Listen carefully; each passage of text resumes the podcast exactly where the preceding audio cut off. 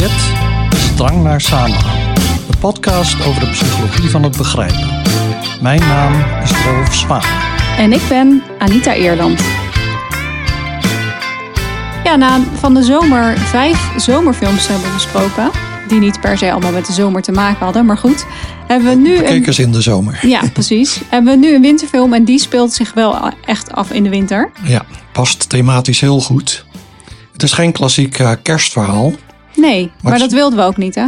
Nee, we wilden een film die, um, nou ja, wel dus een wintercontext heeft. Mhm. En um, toevallig is dit ook een film die we al eerder gezien hebben. Niet helemaal toevallig natuurlijk, want we hadden daar ook, we hadden niet per Ja, se ja. gezocht naar een film die we hadden, Nee. al hadden gezien, maar we waren wel erg onder de indruk van deze film. Ja, dat klopt. En we wilden hem wel nog graag een keertje zien. Ja, dus die film die is uit 2014. En toen hadden we hem ook gezien in de bioscoop. En zoals je zei, ja, we waren ervan onder de indruk. Ja. Maar de vraag is wel, wat weten we er eigenlijk nog van? ja, misschien even goed om te zeggen om welke film het gaat. Ja, het is de film Winter Sleep. Dat is in, in ieder geval de Engelse vertaling. Mhm. Maar het is een Turkse film. En uh, ja, hij heel, wordt heel goed gewaardeerd. Hij had ook de Gouden Palm gewonnen in Mhm. Cannes. Ja.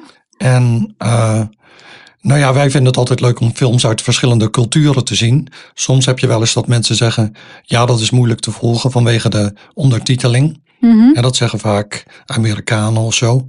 Maar wij zijn dat natuurlijk gewend. Want Amerikanen die, die hebben bijna nooit met ondertiteling te maken. Dus die vinden dat. Die kunnen dus niet zo goed multitasken. Nee, precies. Uh, ik wou ook terugkoppelen naar vorige week. Uh, want dat is eigenlijk wat je doet. Ja. Je kijkt naar de geluid, gelaatsuitdrukkingen van de personages.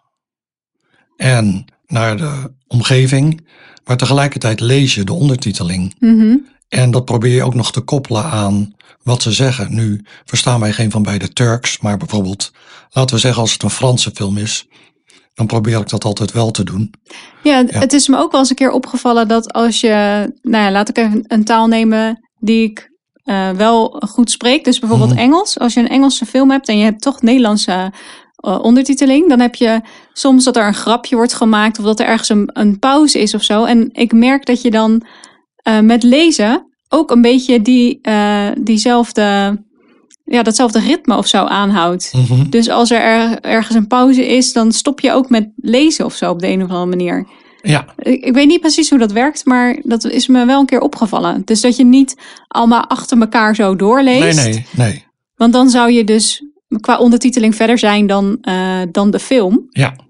Maar het is wel grappig, want voor ons is dat een heel natuurlijk proces om ondertiteling bij de film te hebben. -hmm. Als, je, als we het niet hebben, en dan nou ja, alleen bij een Engelse film, dan merk ik dat ook niet altijd meteen op. Dat je het mist. Nee, nou dat heb, met Engels heb ik dat uh, vaak. Ja, met uh, alle andere talen heb ik dat meteen. Nou ja, want als je, kijk met deze film, als we even wijn gaan inschenken, dan, dan moeten we hem even stopzetten. Want met een Engelstalige film of Duits of Frans, dan kun je nog denken van, ik kan nog horen wat ze zeggen. Ja, ja. Maar klopt. nu uh, mis je dan gewoon een stuk. Ja, dat maakt het ook lastiger om bijvoorbeeld een film tijdens het eten te kijken. Als je ook met je eten bezig bent. Omdat je nu Ja. de hele tijd moet lezen. Ja, precies. En er wordt nogal veel gezegd. Er is heel veel tekst. Ja, nee, dat klopt. Uh, die film is eigenlijk, hangt aan elkaar van de dialogen. Mhm. En dat is eigenlijk ook wat ik me herinner. Ja, Dus ik herinner me eigenlijk vooral een dialoog tussen de hoofdfiguur en zijn zus. Waar die zus hem uh, zo langzaam helemaal afbreekt. en dat is eigenlijk het enige wat ik me precies kon herinneren. Behalve de locatie, de setting van de film. ja, dat wist ik ook nog. Maar ik had dus van tevoren nog even heel kort gelezen waar die film over ging. En er stond er dat de eigenaar een hotel runde. Ja. Um, en toen dacht ik, hotel? Maar ze zaten toch in een grot? Oh ja, nee, dat hotel wist ik ook nog. Ja. Ja, ik, maar bij een hotel denk ik niet meteen aan zo'n omgeving. En kennelijk had ik dus hoe dat hotel eruit ziet. Want dat hotel is wel Ja. gebouwd in de, Mhm. in de grotten of in Ja. de rotsen. Dus het ziet er wel zo uit. Dus toen ik het beeld weer zag, toen dacht ik, oh ja, nu snap ik wel waarom ik dacht. Ja. Of waarom ik niet meteen aan een hotel dacht. Maar wel uh, aan een soort grotwoning. Mm -hmm. En inderdaad, die dialogen, dat was ook iets wat ik me er nog best wel goed van uh, uh, kon herinneren. Maar er zaten ook nu we hè, de film opnieuw hebben bekeken, er zaten ook best wel opmerkelijke scènes in. Ja. Waarvan ik zou denken, als je dat eerder hebt gezien, dan onthoud je dat wel. Mhm. En daar wist ik gewoon niks meer van. Dus Nee, dat had ik ook. je hebt eh, op een bepaald moment gaan ze een wild paard vangen. En dat paard ligt in het water. En dat is, nou, vond ik niet zo prettig om te zien. Nee. Ik zou verwachten dat ik me dat nog zou herinneren. Mhm. Of dat eh, een kleine jongen zijn excuses gaat aanbieden en dan flauw valt. Was ook best wel Ja. opmerkelijk. Ja. Nou, kwam me ook niet bekend voor. Nee, nou ja, toen ik eenmaal die scène zag van ehm, dat er een steen door een autoruit wordt gegooid, Mhm. dat kwam me wel weer op dat moment bekend voor. Dus dan heb je eigenlijk, als je mij zou vragen voordat ik de film eh, opnieuw gezien had, van vat samen waar de film over gaat, dan had ik dat niet gezegd. Mhm. Maar nu herken ik het wel. En dat zijn ook twee verschillende geheugenprocessen. Herinneren en herkennen. Ja, Dus vaak kun je je bewust, niet bewust iets herinneren. Dus dan ontbreekt het in je samenvatting.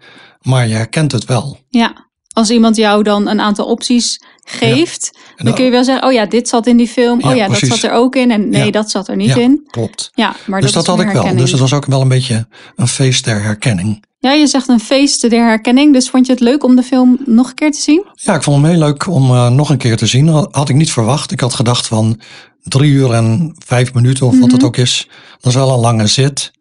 Is het ook? ehm, ja, En dat zijn we niet die- meer gewend. En er komen dus veel dialogen in voor. Dat zeiden we al, lange dialogen. Maar die vond ik eigenlijk nog even spannend als de vorige keer. En dat vond ik het meest bijzondere van de film. Maar eh, ja, ik moet zeggen, de cinematografie was ook heel mooi. Ja. ja, want soms heb je als je een film, als je heel erg onder de indruk was van een film, als je hem dan nog een keer ziet, dan valt hij toch een beetje tegen. Was Ja. hij minder goed dan je had verwacht, maar dat had je dus niet. Nee, nee, ik weet bijvoorbeeld The Usual Suspects. Ja, Dat vond ik zo'n goede film toen ik hem voor het eerst gezien had. De tweede keer, ja, er zit één clue in. En eh, die weet je dan al. Dus ik vond er helemaal niets aan die tweede keer. En dat had ik ook bij Blade Runner. Vond ik ook niks aan eigenlijk, toen ik die film nog een keer zag. Eh, maar bij deze film had ik dat totaal niet. Ik denk ook dat het is, omdat hij natuurlijk veel meer open is eh, qua Mhm. interpretatie. Je kan er allerlei verschillende interpretaties op loslaten. Nou, nou ja, dat, dat was zo'n beetje mijn reactie na het herzien van de film. ja. En jij? ja, ik vond het ook heel leuk om hem nog een keer te zien. Er zat dus veel meer in wat ik eh, kennelijk was vergeten. Ja, Want het kwam, er was ook geen herkenning Nee. bij sommige stukjes. Ehm, en ik, ik vind het eigenlijk heel interessant dat een film zo kan boeien, waar helemaal geen hele grote, bijzondere dingen in gebeuren. nee. En eh, die voornamelijk draait om gesprekken tussen mensen. ja, En natuurlijk hele mooie beelden. Maar dus, ik, ik vond het niet een hele spannende film of een, eh, een, eh, een angstige film of super grappig of zo. nee. Ik kan er geen stempel op drukken en toch boeit hij voor ruim drie uur. Ja, dat vond ik ook. En eh, nou, de vorige week hadden we het nog over hoe moeilijk het is om je aandacht lang te bewaren. Mhm. En dat het mij alleen lukt bij Itchy Boots. Ja, inderdaad. Maar dat had ik ook bij deze film. Ja, dat ging wel Zonder goed, hè? Ja, Ja. ja, we hebben nu al verschillende losse stukjes van de film besproken. Er zitten veel gesprekken in. We hebben het gehad over een broer en een zus. Je hebt iets Ja. gezegd over dat een steen door een ruit wordt gegooid en er wordt een wild paard gevangen. Maar misschien is het goed om op een iets meer ges- gestructureerde manier te bespreken waar die film over gaat.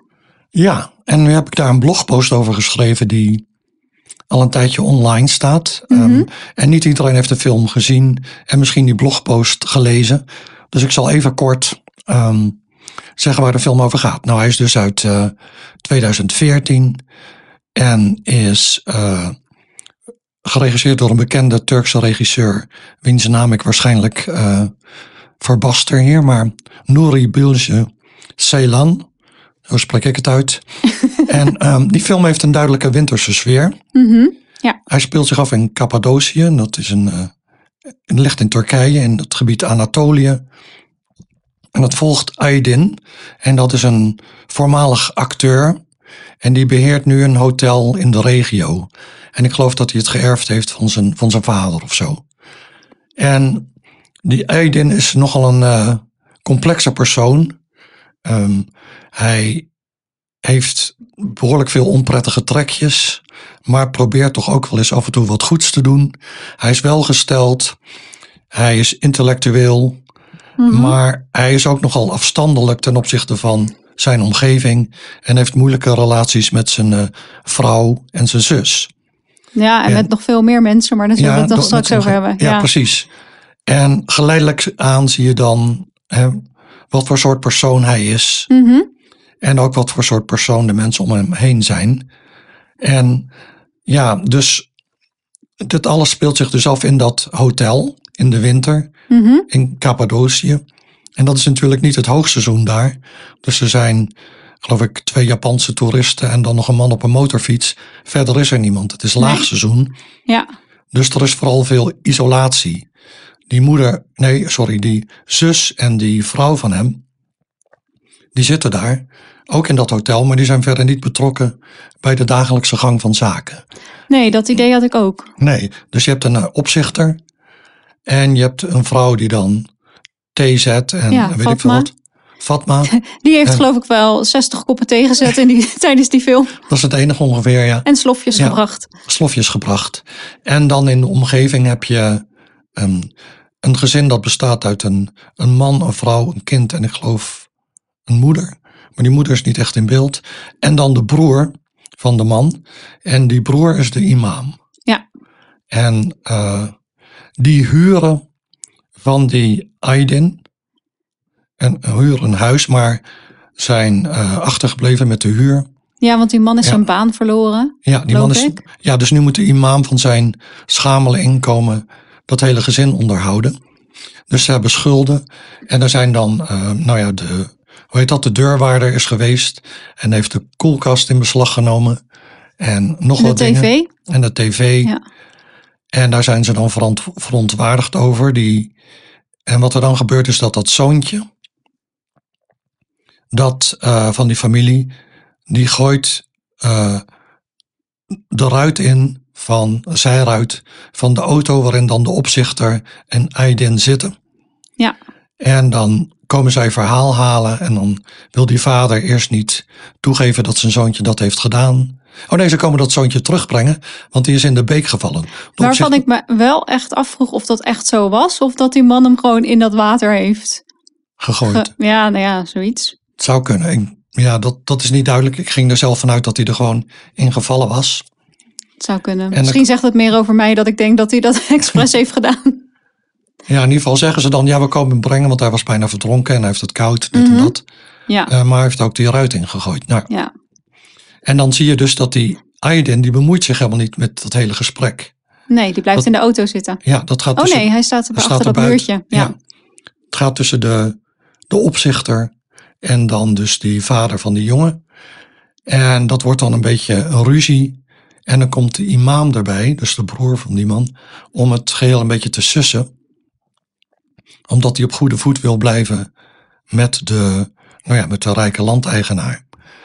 En eh, dat is dan een beetje het begin van de film. Dus dan zet al meteen de toon die ehm Aydin die verstopt zich eigenlijk achter zijn opzichter en achter eh deurwaarders en advocaat. Hij zegt ja, dat jullie, dat ze die huur niet hebben betaald en weet ik veel wat. Dat, eh, oh, dat zegt hij later in de film tegen de Ja, imam. Ja, Van eh, daar heb ik niks mee te maken, want dat gaat allemaal via deurwaarders en advocaten. Dus je moet bij hun zijn. ja, hij zei ja. volgens mij ook, ik weet, ik weet niet eens dat jullie van mij huren Ja. of zo. Dus hij verhuurt dan kennelijk ook nog aan andere mensen woningen. Ik vroeg me wel af, ja, hoe, hoeveel mensen zullen daar wonen? Want het zag er echt heel verlaten uit. Ja, dat klopt. Eh, maar goed, hij verhuurt dus woningen dan aan verschillende mensen. En kennelijk heeft hij geen idee wie er allemaal van hem huren. Ik denk dat hij dat stiekem wel weet.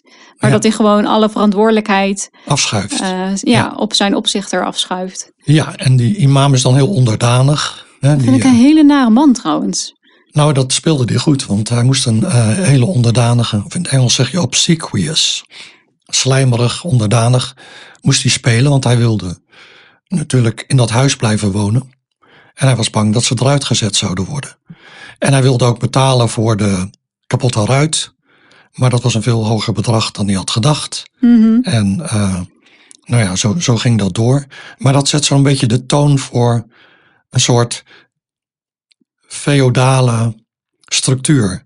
Waarin je een landeigenaar hebt die eigenlijk los zweeft van de omgeving. En die heeft mensen in dienst die dan zijn handhavers zijn. Mhm. En die dus het geld moeten innen bij degene die van hem huren. En hij is er dan, hij ergert zich dan bijvoorbeeld aan de staat van de tuin van het huurhuis. En hij schrijft columns in een of andere lokale krant. Dus dan schrijft hij in algemene zin over uh, nou, hoe belangrijk het is om een, de omgeving goed bij te houden. Hij ergert zich aan de imam. Dus schrijft hij een column over hoe imams een goed voorbeeld moeten zijn. Mhm. Maar in beide gevallen confronteert hij dus niet die mensen met uh, wat hij ervan vindt. Hè. Hij houdt die afstand. En als hij uh, uit de auto stapt en zijn, uh, zijn bagage moet het hotel in, dan doet dus de opzichter dat. Hij loopt met zijn handen in zijn zakken door de sneeuw te stappen. En die opzichter is aan het sleuren met allemaal zware koffers. Ja. ja, nu je dat zo zegt, is, zie je daar inderdaad wel een patroon in. Maar daar had Ja. ik zelf niet zo bij stilgestaan. Nou ja, dat, dat viel me dus op dat hij um, eigenlijk niet echt betrokken is bij de omgeving. Nee. Hij isoleert zich daarvan en hij schrijft zijn columns.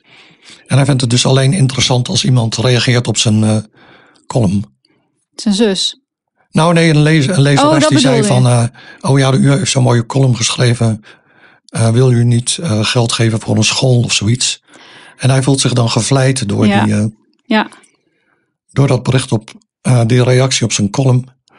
Maar die zus, uh, dat is een uh, mooie dialoog in de film. Ja. Lange dialoog. Ja, Die zus- 15 minuten duurt die. Ja. Dat is de langste dialoog uit de film. Ja, en dan zit hij, dat is ook mooi, in zijn studeerkamer achter zijn laptop Mhm. te schrijven. En zijn zus ligt daarachter op een bank Onder een dekentje. onder een dekentje Een een boek te tijdschrift te lezen. of zo. Ja. Of een boek. En die, eh, die observeert dus hem. En dan, eh, nou, dan vertelt hij van die column. En dan, wat vind je ervan? Oh ja, de vorige column had zij dan gelezen. Ja, dat vond ze goed, dit en dat. Maar dan geleidelijk blijkt dat ze hem toch niet zo goed vond. Ja, ze wo- in eerste instantie zegt ze ja, ik vond het heel goed. Eh, en eh, is Aiden ook ehm, verbaasd eigenlijk dat zij dat heeft gelezen, überhaupt. En zij zegt zelf ook van ja, maar wie, wie leest dit eigenlijk? Want het is een plaatselijk krantje of zo. Eh, maar ze wordt dus steeds kritischer. Ja, Ze gaan met elkaar in gesprek. Eigenlijk wil hij dat niet, want eh, hij wil eh, schrijven. ja, Maar dan ontstaat er inderdaad een gesprek waarin zij steeds meer kritiek uit eigenlijk. ja, ja, En ja, wat ik wel mooi vond was dat, het, dat, dat ze wel allebei vrij rustig blijven. ja. Dus ze gaan niet op een bepaald moment schreeuwen naar elkaar of zo. Het, het blijft best wel een, ehm, ja, hoe zeg je dat? Een beschaafd gesprek of zo? Ja, ik denk omdat het broer en zus zijn, dus je, je blijft toch altijd familie. Dus je kent veel van elkaars slechte kanten, Mhm. maar het blijft toch je familie. Dus die zekerheid heb je dan. Eh, maar ondertussen, Nou ja, en ze zitten daar natuurlijk ook samen. En Ja. die zus blijft de hele winter in dat hotel zitten. ja, terwijl Dus ze je niks weet doet ook- eigenlijk. Je weet ook dat je nog wel een aantal maanden samen daar in die... eh, ja, Ja. sorry, ik blijf toch grot zeggen. moet zitten met elkaar. Ja, ja, dat is zo. Maar ik vond, eh, ik vond die dialoog en die andere die ver, verderop komen ook nog steeds spannend. Omdat je, ja, we wisten dus, oké, zij gaat hem een beetje de grond in boren. Maar hoe ze dat dan doet, Mhm. geleidelijk aan en hoe hij dan weer reageert op haar en natuurlijk ook dan eh, negatief is, hoe dat zich ontwikkelt, eh, daar kun je heel gespannen naar kijken, vond ik. Ja, dat vond ik. wa- Wat ik er ook heel leuk aan vond, was dat er een soort van gedachte-experiment in zat. Mhm. Eh, omdat ze het hebben over mensen die anderen kwaad willen doen. Dus wel mensen die iets willen stelen van iemand anders. En volgens mij was het die zus die dan de stelling poneert dat je eigenlijk die mensen hun gang moet laten gaan. Dat je, dat, dat je het Ja. kwaad niet moet willen tegenhouden.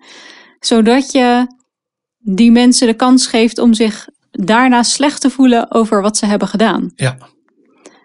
En ik vond het wel interessant hè, als iemand dan zoiets zegt, dat je het daar dan met elkaar over kunt hebben. En Mhm. dat je een soort meer filosofische discussie krijgt of zo. Ja, Het is heel anders dan de gesprekken die ik meestal voer met mensen. Maar ik vind het wel interessant. ja, Ja. En dat je eh, elkaar op, op die manier ook een beetje kunt uitdagen.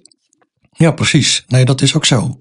En ik denk dat, eh, ja, wij hebben dat soort gesprekken dan wel in samen of ook wel met anderen. Maar inderdaad, misschien ehm, in de alledaagse interactie komt dat veel minder vaak voor. Er is ook geen Ja. tijd voor, denk ik. Of mensen Nee. nemen er geen tijd voor. Mensen zijn ook snel afgeleid. Ja, klopt. Mensen, ja, ik denk dat we misschien ook wel minder gesprekken voeren met elkaar. Ja, dat denk ik ook. Maar wat je hier dus ook wel ziet, vond ik. Want we zeggen gesprek, het is een dialoog, die is natuurlijk helemaal geschreven zo. Mhm. En heel goed geacteerd.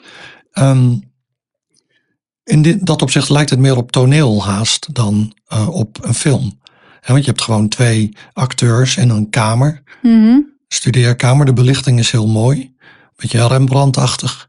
En daar zit je dan een kwartier naar te kijken. Dus dat is haast een toneelscène. Ja. En nu is die eh, hoofdfiguur natuurlijk toneelspeler. Ehm, ja, dat, dat vond ik mooi. En, en hij probeert dus ook wel te reageren op kritiek. Want bijvoorbeeld, we zeiden eerder, eh, er waren bijna geen gasten. Maar Mhm. er zijn dan twee Japanse gasten waarmee hij een onhandige eh, conversatie heeft. En er is ook een eh, Turkse motorfietser. Die is daar even en die zei: Ja, ik ben ook gekomen, want eh, op jullie website Ja. staat dat jullie wilde paarden hebben. En, eh, ja, dus hij vroeg waar de paarden waren Ja. of zo. Ja. En toen zei die Aydin: Ja, die hebben we niet, dit en dat. Toen ging hij zijn website bekijken. Oh ja, verdorie, daar staat foto's op van paarden. Iemand anders heeft dat dan waarschijnlijk gemaakt. Nee, want hij wist het wel. Want hij zei Oh. tegen die- die toerist dat, hij, eh, dat ze die foto's er alleen maar op hadden om ehm, het Oh, er ja. aantrekkelijker uit te laten zien of zo. Maar dat hij inderdaad zelf geen paarden had, maar die zijn wel in de omgeving. Ja, Zoiets. Maar volgens mij, die man wilde paardrijden of zo. Ja, en toen heeft hij dus ehm, een paard gekocht. Dus hij ging langs bij een man die dan paarden vangt. En eh, nou ja, dat is dan die scène die jij bedoelt, waar dat paard ehm Ja, ja, heel erg tegenstribbelt en dan uit een beek getrokken wordt. Ik vond het ook niet zo'n leuke scène om te zien. nee. En nou ja, dat paard, dat staat dan bij hem in de stal na een, tij- na een tijdje. Maar er wordt eigenlijk niks mee gedaan. Nee, Dus en die motorrijder is ook eh, weg, na ja. twee dagen of zo weer vertrokken. Ja, ja. En dus uiteindelijk, aan het eind van de film, om even bij het paard te blijven, laat hij het paard weer vrij. En dat is dan ook, denk ik, wel symbolisch gerelateerd aan, eh, nou, wat er gebeurt met zo'n vrouw, waar we het nog niet over gehad hebben. Nee, we hebben het nog helemaal niet over zijn vrouw gehad, nee. Maar die, die vrouw wordt in het begin ehm, om advies gevraagd. Dus toen Ja. dacht ik nog, oh, dat is aardig van hem. Dat hij eh, wil weten hoe zij erover denkt. Want het ging inderdaad over eh, een brief die Aydin had gekregen met al die vleierij en Ja. de vraag om hulp. Dan is het altijd goed om eerst iemand een beetje te paaien voordat je gaat vragen of iemand eh, je financieel wil steunen of zo. Ehm, en eh, zijn vrouw doet iets met li- liefdadigheid. Dus eh Aydin vraagt zijn vrouw wat zij ervan vindt.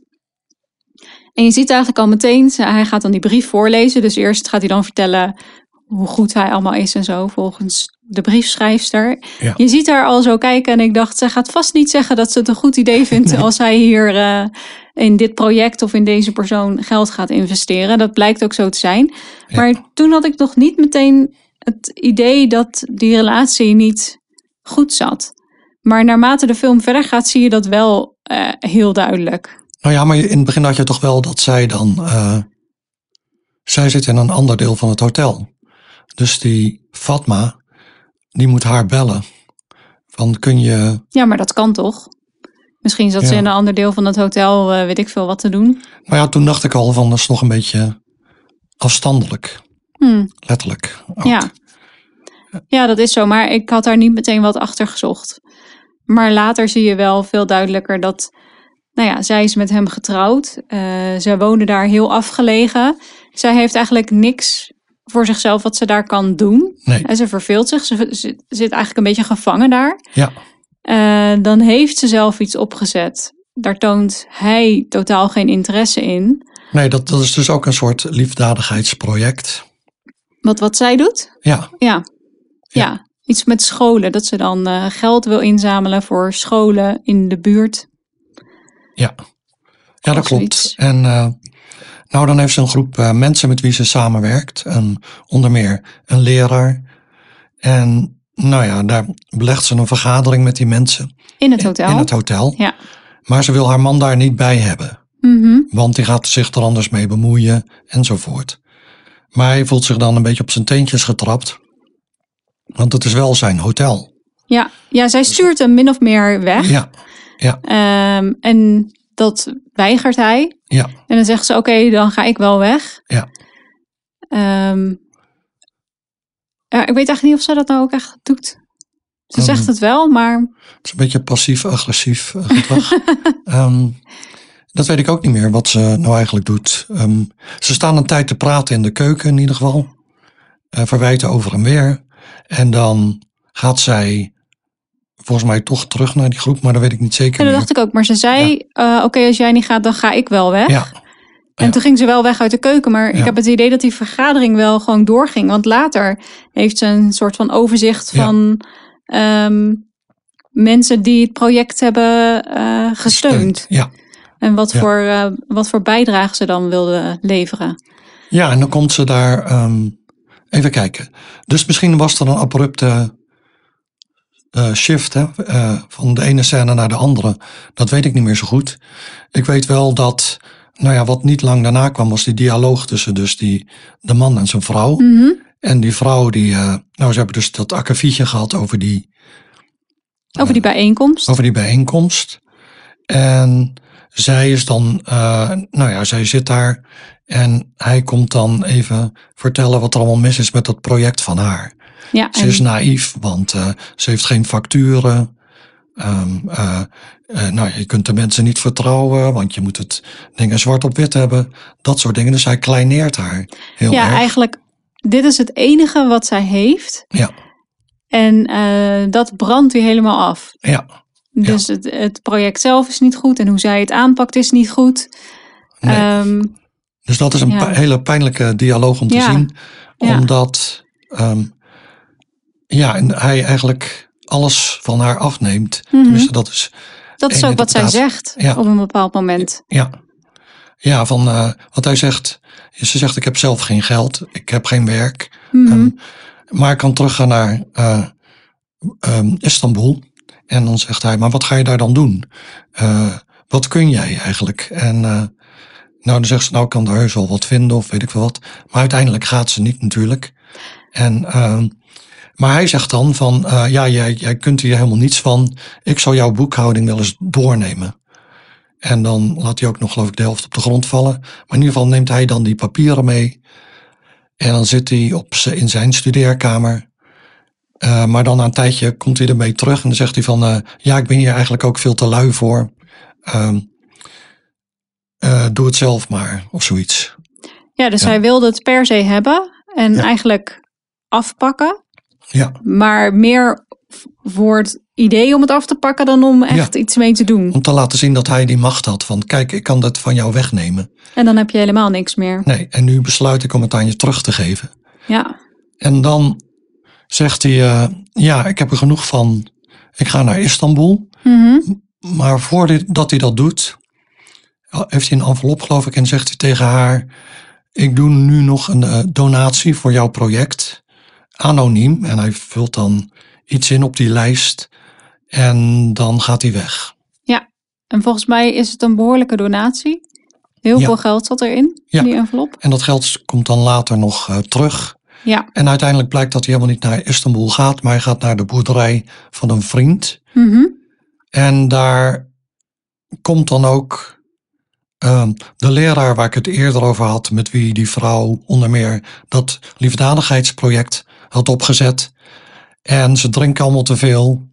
En dat is op zich een heel leuke, dia- of, nou ja, drie mensen, maar een heel leuke conversatie, vond ik. Eh, ook wel herkenbaar. ik dacht al dat je dat zou gaan zeggen. Van uh, als mensen te veel gedronken hebben en nog steeds denken dat ze diepzinnige dingen zeggen.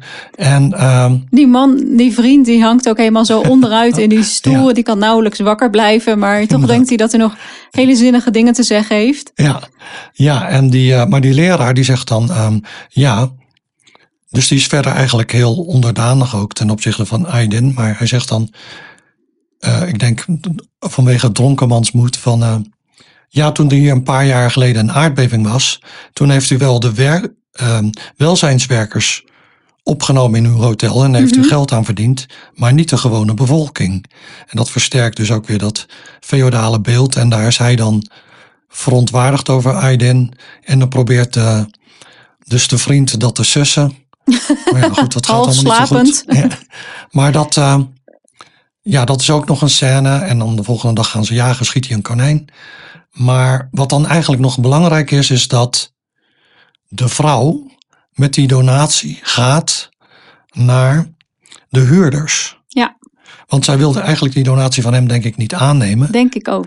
En dan wil ze dat geld geven aan die mensen waarvan zij vindt dat haar man ze tekort heeft gedaan.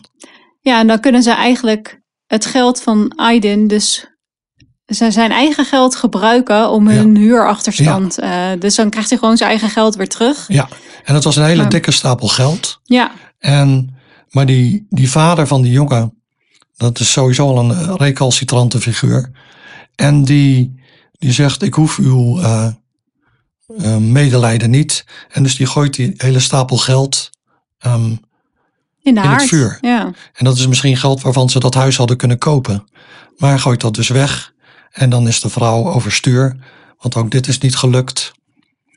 En, uh, je ziet daarin ja. dus ook wel heel duidelijk die trots van Ja. de familie. En dat is Ja. iets wat ook vaker terugkomt. Dus ook wanneer die jongen de steen heeft gegooid en die familie wordt daarop aangesproken. Ook in het feit dat die familie een eh, schuld heeft, hè, die huurachterstand. Dat komt telkens terug.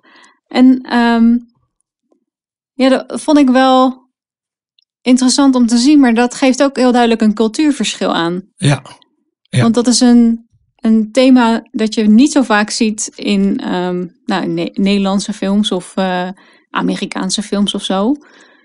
Volgens Nee. mij. nee, dat klopt. Dat, eh, dat trotsen. En ehm, nou ja, er zaten wel vaker wat dingetjes in die dan voor mij lastig te begrijpen zijn vanwege cultuurverschil. Tegelijkertijd vind ik dat ook juist het interessante aan, Ja. aan, aan dit soort films. ja, maar we weten natuurlijk ook niet hoe representatief deze film is voor de, de cultuur daar in Anatolië. Maar wat ik wel gelezen heb, is dat er, eh, nou ja, in eh, Turkije dan een, laten we zeggen, een groep intellectuelen is die zich, eh, nou ja, toneelspelers en weet ik veel wat, hoewel zijn dat intellectuelen, maar die zich dus bezighouden met Shakespeare en zo, maar Mhm. een beetje losstaan van de rest van de maatschappij. En dat zie je hier dus ook duidelijk in deze film. Die Aydin is daar een symbool voor. Ja, Eigenlijk alles gaat buiten hem om. En hij reageert nooit direct, maar dan schrijft hij een column met ehm, verborgen of indirecte kritiek. dat is toch ook eh, passief-agressief dan? Ja, ja, ja, Net zoals zijn vrouw. ja, ja, dat klopt. En ja, ze En die intellectu- zus trouwens ook. Ja, die zus helemaal. ja, inderdaad. Ehm, en dan, ja, dan is eigenlijk het einde is dat hij achter zijn laptop zit en tikt eh, de titel van zijn boek, De geschiedenis van het Turkse toneel. Ja, En zo eindigt het. En dus het heeft een heel open einde.